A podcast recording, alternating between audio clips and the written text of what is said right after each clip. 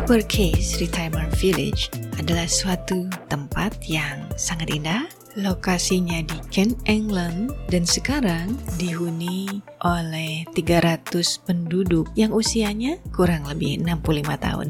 Ada kolam renang, ada restoran, dan spot-spot untuk olahraga, juga fasilitas bersantai yang nyaman dan menenangkan. Di desa ini ada satu klub yang sangat unik yang disebut dengan The Thursday Murder Club.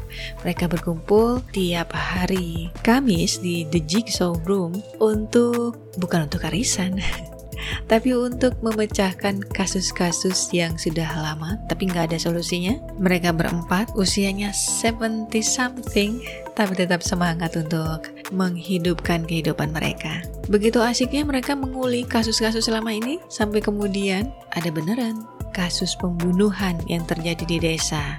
Sejak saat itu, klub ini mengabdikan dirinya untuk memecahkan problema ini, memecahkan kasus ini, dan apakah mereka berhasil?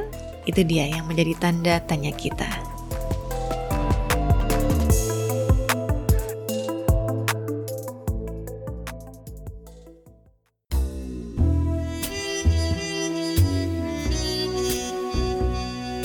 Hai teman-teman book lovers, Senang sekali bisa ketemu lagi dengan Anda semua di DVD Talks ya.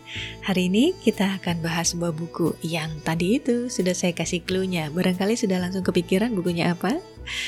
Buku ini menjadi editor Speak Best Mystery Thriller and Suspense on Amazon, teman-teman.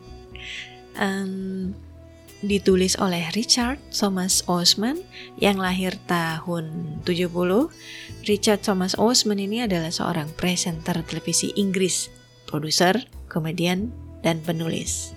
Dia juga dikenal sebagai pencipta dan salah satu presenter acara kuis televisi BBC One Pointless.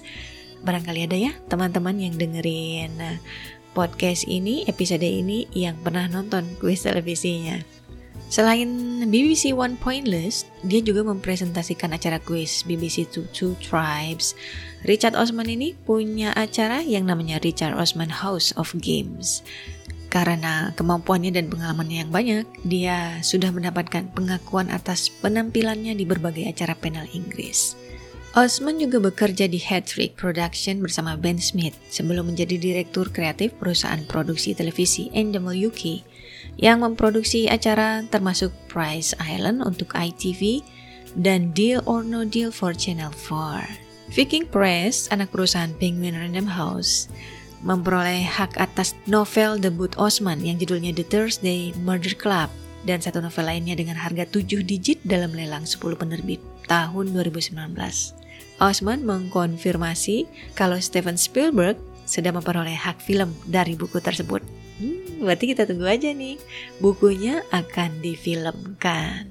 Oke, tidak usah tunggu lama-lama. Kita masuk saja langsung. Ini dia Book Insight dari The Thursday Murder Club yang ditulis oleh Richard Thomas Osman.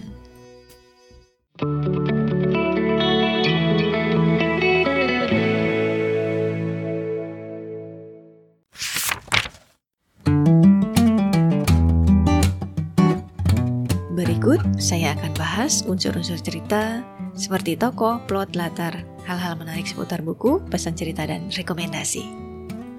The Thursday Murder Club ditulis oleh Richard Osman, genrenya misteri, amateur sleuth mystery. Diterbitkan oleh Penguin Books tahun 2020 bulan September. Halamannya 480 dan harganya 260.000 bisa teman-teman book lover dapatkan di Periplus Bookstore. Novel ini bercerita tentang satu klub yang unik namanya Thursday Murder Club beranggotakan para pensiunan tapi masih aktif dalam kehidupan sosial dan bisnis. Mereka kumpul-kumpul di hari Kamis di Jigsaw Room untuk ngebahas satu kasus lama yang gak terpecahkan oleh kepolisian. Ini adalah klub penggemar misteri pembunuhan ya. Mereka nggak ngebahas buku-buku thriller atau uh, kasus-kasus uh, yang imajiner, bukan, tapi mereka serius ngulik kasus kejahatan. Teori-teori penyelesaian mereka awalnya hanya untuk konsumsi mereka aja buat kesenangan mereka sendiri. Hingga suatu ketika terjadi pembunuhan di desa tempat mereka tinggal. Kali ini klub memutuskan untuk ikut melakukan penyelidikan. Empat orang saja. Ada cukup banyak tokoh di novel ini, tapi kalau misalnya kita ambil tokoh inti yang masuk ke dalam klub, ini ada Elizabeth, Joyce, Ron Ritchie, dan yang terakhir Ibrahim Arif. Selain empat tokoh inti, ada lagi yang lain seperti Donna De Freitas, kemudian um, Jason Ritchie, anak dari Ron Ritchie, lalu Tony Curran, Bogdan, Ian Phantom, Chris Hudson, Father Mackie, Bernard, Gary, Penny, dan John. Cukup banyak ya, berarti. Tokoh-tokoh utama di novel ini menurut saya unik eksentrik. Ada Ron yang populer di zamannya, ada Ibrahim Arif yang suka pada detail, ada Elizabeth yang belak-belakan, dan ada Joyce yang lembut dan senang mengamati. Joyce ini sekilas uh, entah kenapa mengingatkan saya pada ini loh, teman-teman book lover. Tokoh Miss Marple-nya Agatha Christie. Oke, tentu saja hmm, semua tokoh ini punya sisi-sisi kelemahan ya. Bahkan mereka punya konflik personal masing-masing yang uh, ditampilkan Osman di dalam cerita. Konflik ini nanti uh, akan memberikan warna dari cerita. Jadi bukunya nggak kerasa datar. Misalnya saja kayak Joyce ya. Jadi Joyce ini punya problem hmm, dengan keluarga, dengan putrinya ya mereka tuh secara emosional sempat uh, berjarak dan Elizabeth ini ada masalah juga dengan kehidupan rumah tangganya. Nuansa ceritanya samar-samar memang terasa duka meskipun banyak humor di sana sini. Penokohannya sendiri rasanya agak statis ya di novel ini. Tapi herannya, saya juga ngerasa novel ini punya pesan cerita yang cukup dalam selain urusan pembunuhan. Ya, coba dibaca sendiri ya teman-teman book lovers, mungkin nanti opini kita bisa beda. Untuk tokoh antagonisnya, ini nggak terlalu berdrama. Mereka menjadi antagonis karena kebutuhan misteri pembunuhannya. Deskripsi tokoh-tokohnya uh, terimajinasi dengan baik, misalnya kayak fisik Joyce ya, yang jadi salah satu sentral di dalam cerita. Jadi Joyce ini digambarkan di dalam novel itu uh, sebagai seorang perempuan yang sudah cukup tua. Dia tubuhnya kecil, rambutnya putih, dia pakai suka pakai lavender blues ya, kemudian cardigan, dan dia suka duduk dengan uh, perasaan bahagia. um, tidak banyak bicara tapi matanya cemerlang dan mengamati sana sini, observer banget. Itulah makanya jadi keinget Miss Marple ya. Dan nanti teman-teman book lover kalau baca buku ini atau mungkin sudah ya, ada juga yang ngedengerin ini mungkin sudah baca buku ini uh, disebutkan beberapa hal juga yang ada kaitannya dengan Agatha Christie. Dan ini nggak mengherankan karena ternyata memang uh, Osman ketika diwawancara di salah satu media menyebutkan kalau salah satu inspirasi cerita dia adalah penulis Agatha Christie. Untuk alur cerita ada semacam permainan alur di sini, teman-teman book lover. Cara menulisnya Osman ini bikin saya jadi nggak bisa langsung nentuin ya, ini alurnya maju, mundur, atau bagaimana. Belum lagi ketambahan ada chapter diary tokoh Joyce. Nanti ada kayak buku harian-buku harian gitulah khusus di chapter-chapter tertentu.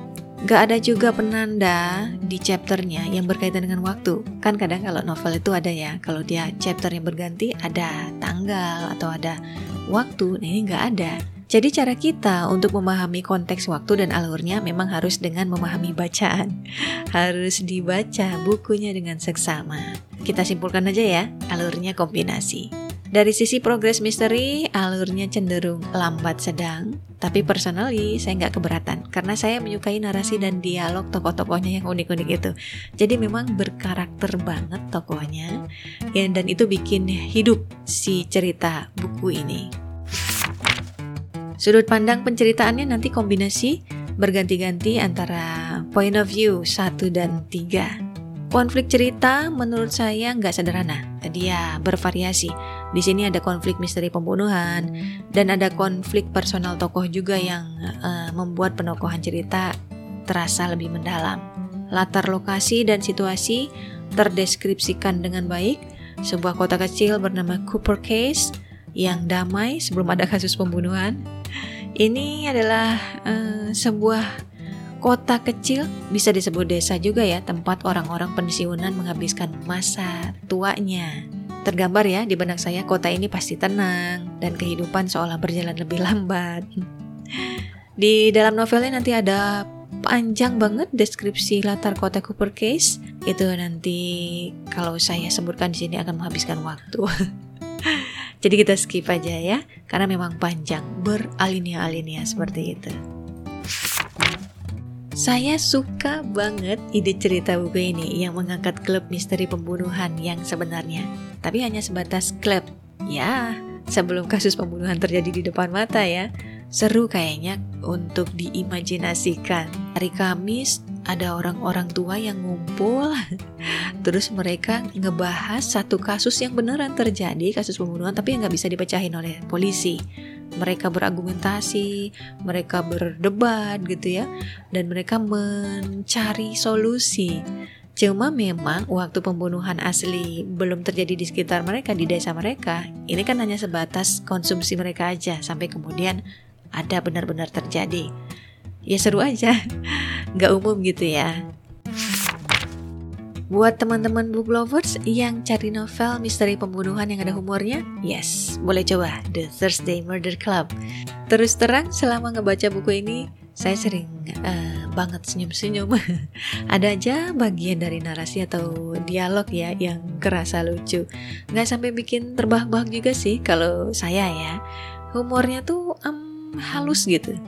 Dan saya hanya bisa nangkap sisi lucunya kalau berhasil mengimajinasikannya dari perspektif tertentu. Misalnya nih ya, uh, ada tokoh namanya Ian Ventam dan dia bilang mau menulis buku kayak Richard Branson yang katanya ya gampang aja bikin buku kayak Richard Branson hanya butuh rima buat buat jadi buat judulnya kalau teman-teman coba ingat-ingat uh, judulnya buku Richard Branson ingat nggak? Itu kan memang berima ya. Atau kelucuan pas ngebayangin tokoh Elizabeth mengambil foto-foto TKP secara sembunyi-sembunyi dengan berpura-pura memanggil ambulan. Ini uh, kalau dibayangkan ada filmnya pasti lucu banget nih. Ini kocak ya, absurd lah kejadiannya. Dan memang kan tadi tuh uh, sudah ada diinformasikan ya kalau Steven Spielberg ya yang tertarik akan mengadaptasi buku ini untuk menjadi film. Kelucuan-kelucuan di buku ini adegannya itu memang diwakili oleh uh, dialog dan tingkah laku tokoh-tokohnya yang punya karakter unik itu. Member dari klub Hari Kamis, Hari Kamis The Thursday Murder Club Elizabeth menurut saya wanita yang eksentrik ya dengan kemampuan mengada-ngada. Dia bisa mengubah nama atau latar belakang hidupnya demi mendapatkan informasi yang dibutuhkan. Juga ngajuin pertanyaan yang terang-terangan kayak kalau kamu diminta membunuh, kamu apa kamu akan melakukannya? Memang ada yang ngaku ya kalau ditanya begini. Lalu ada Joyce yang disukai banyak orang. Kepribadiannya memang cenderung invisible ya uh, bikin dia jadi observer yang handal. Karena kan orang yang yang eh, nggak uh, mencolok itu ternyata dia diam-diam memperhatikan. Ada juga Ron Ritchie tokoh populer di zamannya. Dia punya prinsip nggak percaya dengan mudah pada apa pun yang dikatakan orang-orang. Dan ada tokoh Ibrahim itu seneng banget sama detail. Um, dia juga kalau ngejelasin sesuatu tuh kronologis. Nggak pernah ngebut dan taat dengan hukum-hukum keselamatan. Ibrahim ini uh, dulu adalah seorang psikiatris di di novel ini ya. Sensasi pembunuhan yang kejam gak ada di dalam novel ini. Jadi uh, tidak ada adegan pembunuhan yang dielaborasi detail. Gak sampai apa ya? Kadang-kadang ada kan ya adegan-adegan pembunuhan tuh yang um, di expose banget sampai bikin kita tegang, ngeri, bahkan sampai muntah gitu ya karena detailnya ini nggak ada di sini. Jadi novel ini memang cocok untuk kita-kita yang nggak begitu suka bacaan yang ada konten adegan sadis lah. Nah, balik lagi ke soal diarinya Joyce. Jadi buat teman-teman yang suka ide diary yang ditulis oleh tokoh, di buku ini ada ya. Hmm, pergantian bab diary dengan bab lainnya ini diatur dengan baik, jadi punya style dan timing yang pas sih kalau menurut saya. Ada salah satu statement yang menarik juga ya waktu Osman diwawancarai berkaitan dengan bukunya. Dia bilang pas dia lagi nulis chapter-chapter yang diary-nya Joyce ini, dia ngerasa katanya seolah-olah di, dirasuki oleh arwah berusia 76 tahun, uh, arwah wanita tua berusia 76 tahun. Saking dia masuk banget ke dalam tulisannya. Begitu kali ya penulis-penulis itu. Oke, dan selain witty, humornya yang cerdas, ya siapa sangka novel misteri pembunuhan ini juga mm, banyak mengolah emosi duka teman-teman book lovers. Ada duka dalam cinta, menuanya usia, keluarga, dan persahabatan yang setia. Gak semua duka berujung bahagia di akhir cerita. That's why it is a bittersweet book for me. ya, begitulah ya. Secara pribadi saya suka buku-buku yang punya kedalaman emosi tertentu kayak gini, teman-teman book lover. Saya juga suka konflik ceritanya yang menurut saya nggak sederhana. Yang itu, misalnya kayak konflik emosional Joyce dan putrinya Joanna yang sempat berjarak itu. Ada konflik percintaan juga yang dialami tokoh minor Donna ya. Hmm, di mana dia tuh putus dari kekasihnya dan masih ingat-ingat terus sama mantannya ini. Belum bisa move on. Ya kan konflik-konflik ini tuh relate ya dalam berbagai kisah kehidupan banyak orang. Saya menulis Osman mengalir, renyah, dan kadang-kadang kayak yang nembus jarak antara penulis dan pembaca. Coba deh baca teman-teman book lover. Halnya kayak gini nih, jadi ada tokoh Chris Hudson di dalam buku, dia sedang berada di kantornya. Dia lagi pura-pura bekerja padahal sedang melamun dan merana. Waktu dia lagi melamun itu, terlintas dalam pikirannya, harusnya dia majang foto keluarga nih di mejanya. Uh, dia mikir, foto siapa yang mau dipajang ya? Oke oke, foto keponakan. Pas dia mikir, foto keponakan, eh namanya siapa ya? Usianya berapa ya? Lalu pikirannya kembali ke kasus pembunuhan yang terjadi. Dia tiba-tiba teringat uh, dengan klub misteri dan teringat juga pada wanita menarik yang ia temui. Ya, memang melantur sih ya uh, si tokoh Chris Hudson ya. Tapi kayak yang kita tuh kalau nyimak um, narasi itu tuh, iya berasa apa ya? Ya itu tadi tuh menembus jarak antara penulis dan pembaca. Dan ada kejutan yang menyenangkan. Pas saya tahu ternyata korban pembunuhannya lebih dari dua, juga ngelibetin kasus-kasus yang gak terpecahkan di masa lalu. Soalnya ekspektasi saya di awal itu paling gak ya cuma satu pembunuhan. Eh ternyata dia lebih complicated. Ini oke okay, gitu ya. Ada keunikan juga uh, pas kita tiba pada penyelesaian kasus yang ternyata pelakunya bukan cuma dia, bukan cuma satu loh teman-teman book lover. Motifnya juga cukup kompleks ya. Hmm, dan bagian yang paling saya suka dan gak bisa berhenti baca itu ketika reveal kasusnya dijabarin nih. Ini siapa nih yang ngebunuh motifnya apa dan sebagainya. Oh, uh, apa yang dijelasin di buku di luar ekspektasi saya banget. Yang tadinya sempat menduga buku ini sederhana. By the way, di tengah semua hal yang menarik tadi itu, mungkin teman-teman book lover akan ngerasain ya ganjalan tertentu misalnya harapan akan plot twistnya yang lebih menggigit ya kan? Tekstur anti klimaksnya yang lebih landai dan gak tiba-tiba selesai. Kok uh, kayaknya apa ya? Terlalu mendadak tiba-tiba uh, kasusnya beres gitu. Dan ada mungkin ganjalan juga berkaitan dengan peran polisi yang mestinya kan lebih pintar. Tapi di buku ini ya anggota klub ini yang lebih pintar Mungkin Osman ingin menampilkan karakter yang lebih manusiawi dengan caranya ya. Juga bahwa nggak ada kehidupan yang benar-benar sempurna. Pada akhirnya, bobot terbesar dalam buku ini menurut saya adalah pesan cerita yang dibawa oleh para tokoh. Pesan-pesan ini ada dalam kalimat-kalimat yang disampaikan oleh tokoh maupun dalam narasi cerita, teman-teman book lover. Misalnya tentang gratitude ya, Saya coba kutipkan ya. The village is nearly dark now. In life, you have to learn to count the good days. You have to tuck them in your pocket and carry them around with you. So I'm putting today in my pocket and I'm off to bed. Ini hmm, narasinya Joyce ya.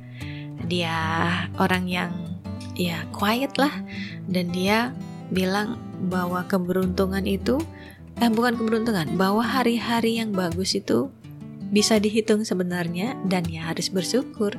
Sebelum tidur itu kita mengingat-ingat apa yang bisa kita syukuri di hari-hari yang baik. Lalu istirahat dengan damai. ya, by the way, endingnya terbuka dan kalau dicek The Thursday Murder Club memang eh, buku pertama dari duologi. Iya, so we wait for the second book I guess and let's find out what happened next to Elizabeth Joyce, Ronan Ibrahim. Saya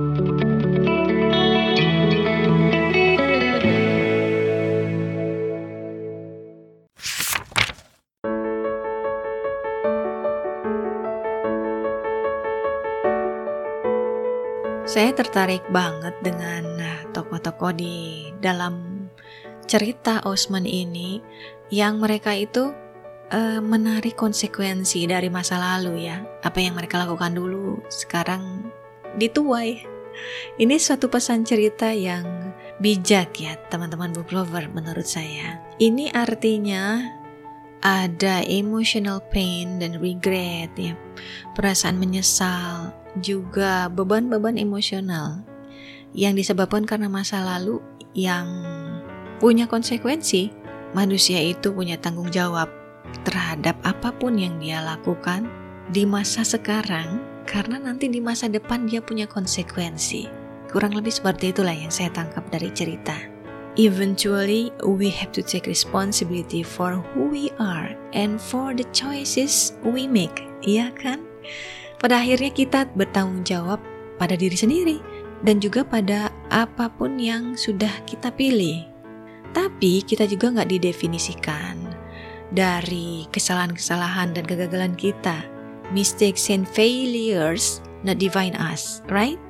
Tapi yang mendefinisikan diri kita adalah respon kita terhadap kesalahan-kesalahan itu dan kegagalan-kegagalan.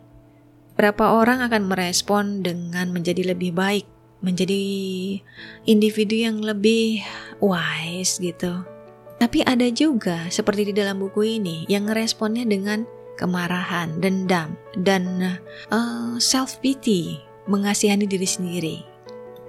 Nah, itu dia pesan-pesannya dalam ya ternyata meskipun bukunya bergenre mystery thriller. Oke, teman-teman book lover, saya rekomendasikan novel The Thursday Murder Club untuk para pecinta genre misteri pembunuhan yang kasusnya diselesaikan oleh amatir. Jadi bukan detektif, bukan juga polisi, tapi diselesaikan oleh amatir.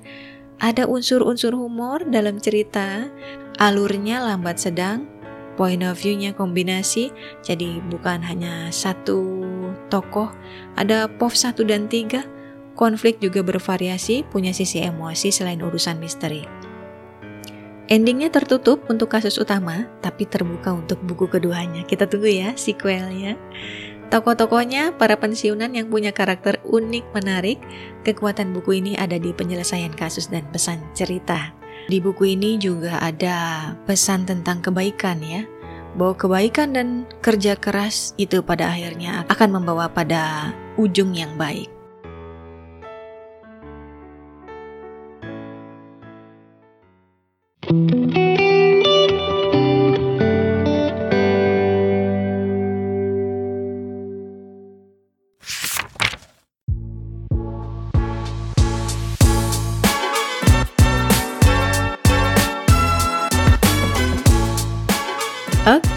Itu dia. Tadi book Insight novel The Thursday Murder Club dari Richard Osman dan kita tunggu buku keduanya karena Richard Osman sudah bilang ya ke media kalau dia lagi nulis uh, buku follow up-nya nih. lagi nulis buku keduanya. Belum tahu kapan akan rilisnya dan lagi nunggu-nunggu juga nih uh, versi movie-nya ya yang tadi katanya sudah uh, mendapatkan uh, persetujuan dari Steven Spielberg. Wah, kalau ada movie-nya asik banget nih. Teman-teman, terima kasih banyak juga untuk sudah mendengarkan episode ini. Jangan lupa follow akun DPDIV Talks di Anchor dan Spotify. Juga akun Instagram at underscore Talks atau DPDIV Official. Nanti di sana akan ada notifikasi postingan-postingan terbaru podcast ini. Oke? Okay? Baca-baca buku review lainnya juga bisa teman-teman uh, lakukan dengan mengunjungi blog saya di dpdiv.com. Saya mohon teman-teman berkenan memberikan dukungan untuk akun DPDIV Talks ini dengan cara share konten ini di Instagram Story atau media sosial yang kalian miliki. Terima kasih buat teman-teman book yang sudah dengerin sekali lagi dan dukung podcast saya ini. Sampai ketemu lagi di episode berikutnya. Bersama Dipi, tetaplah membaca karena membaca membuka jendela dunia. DPDIV Talks, let's encourage each other to shape a better future through education and book recommendation.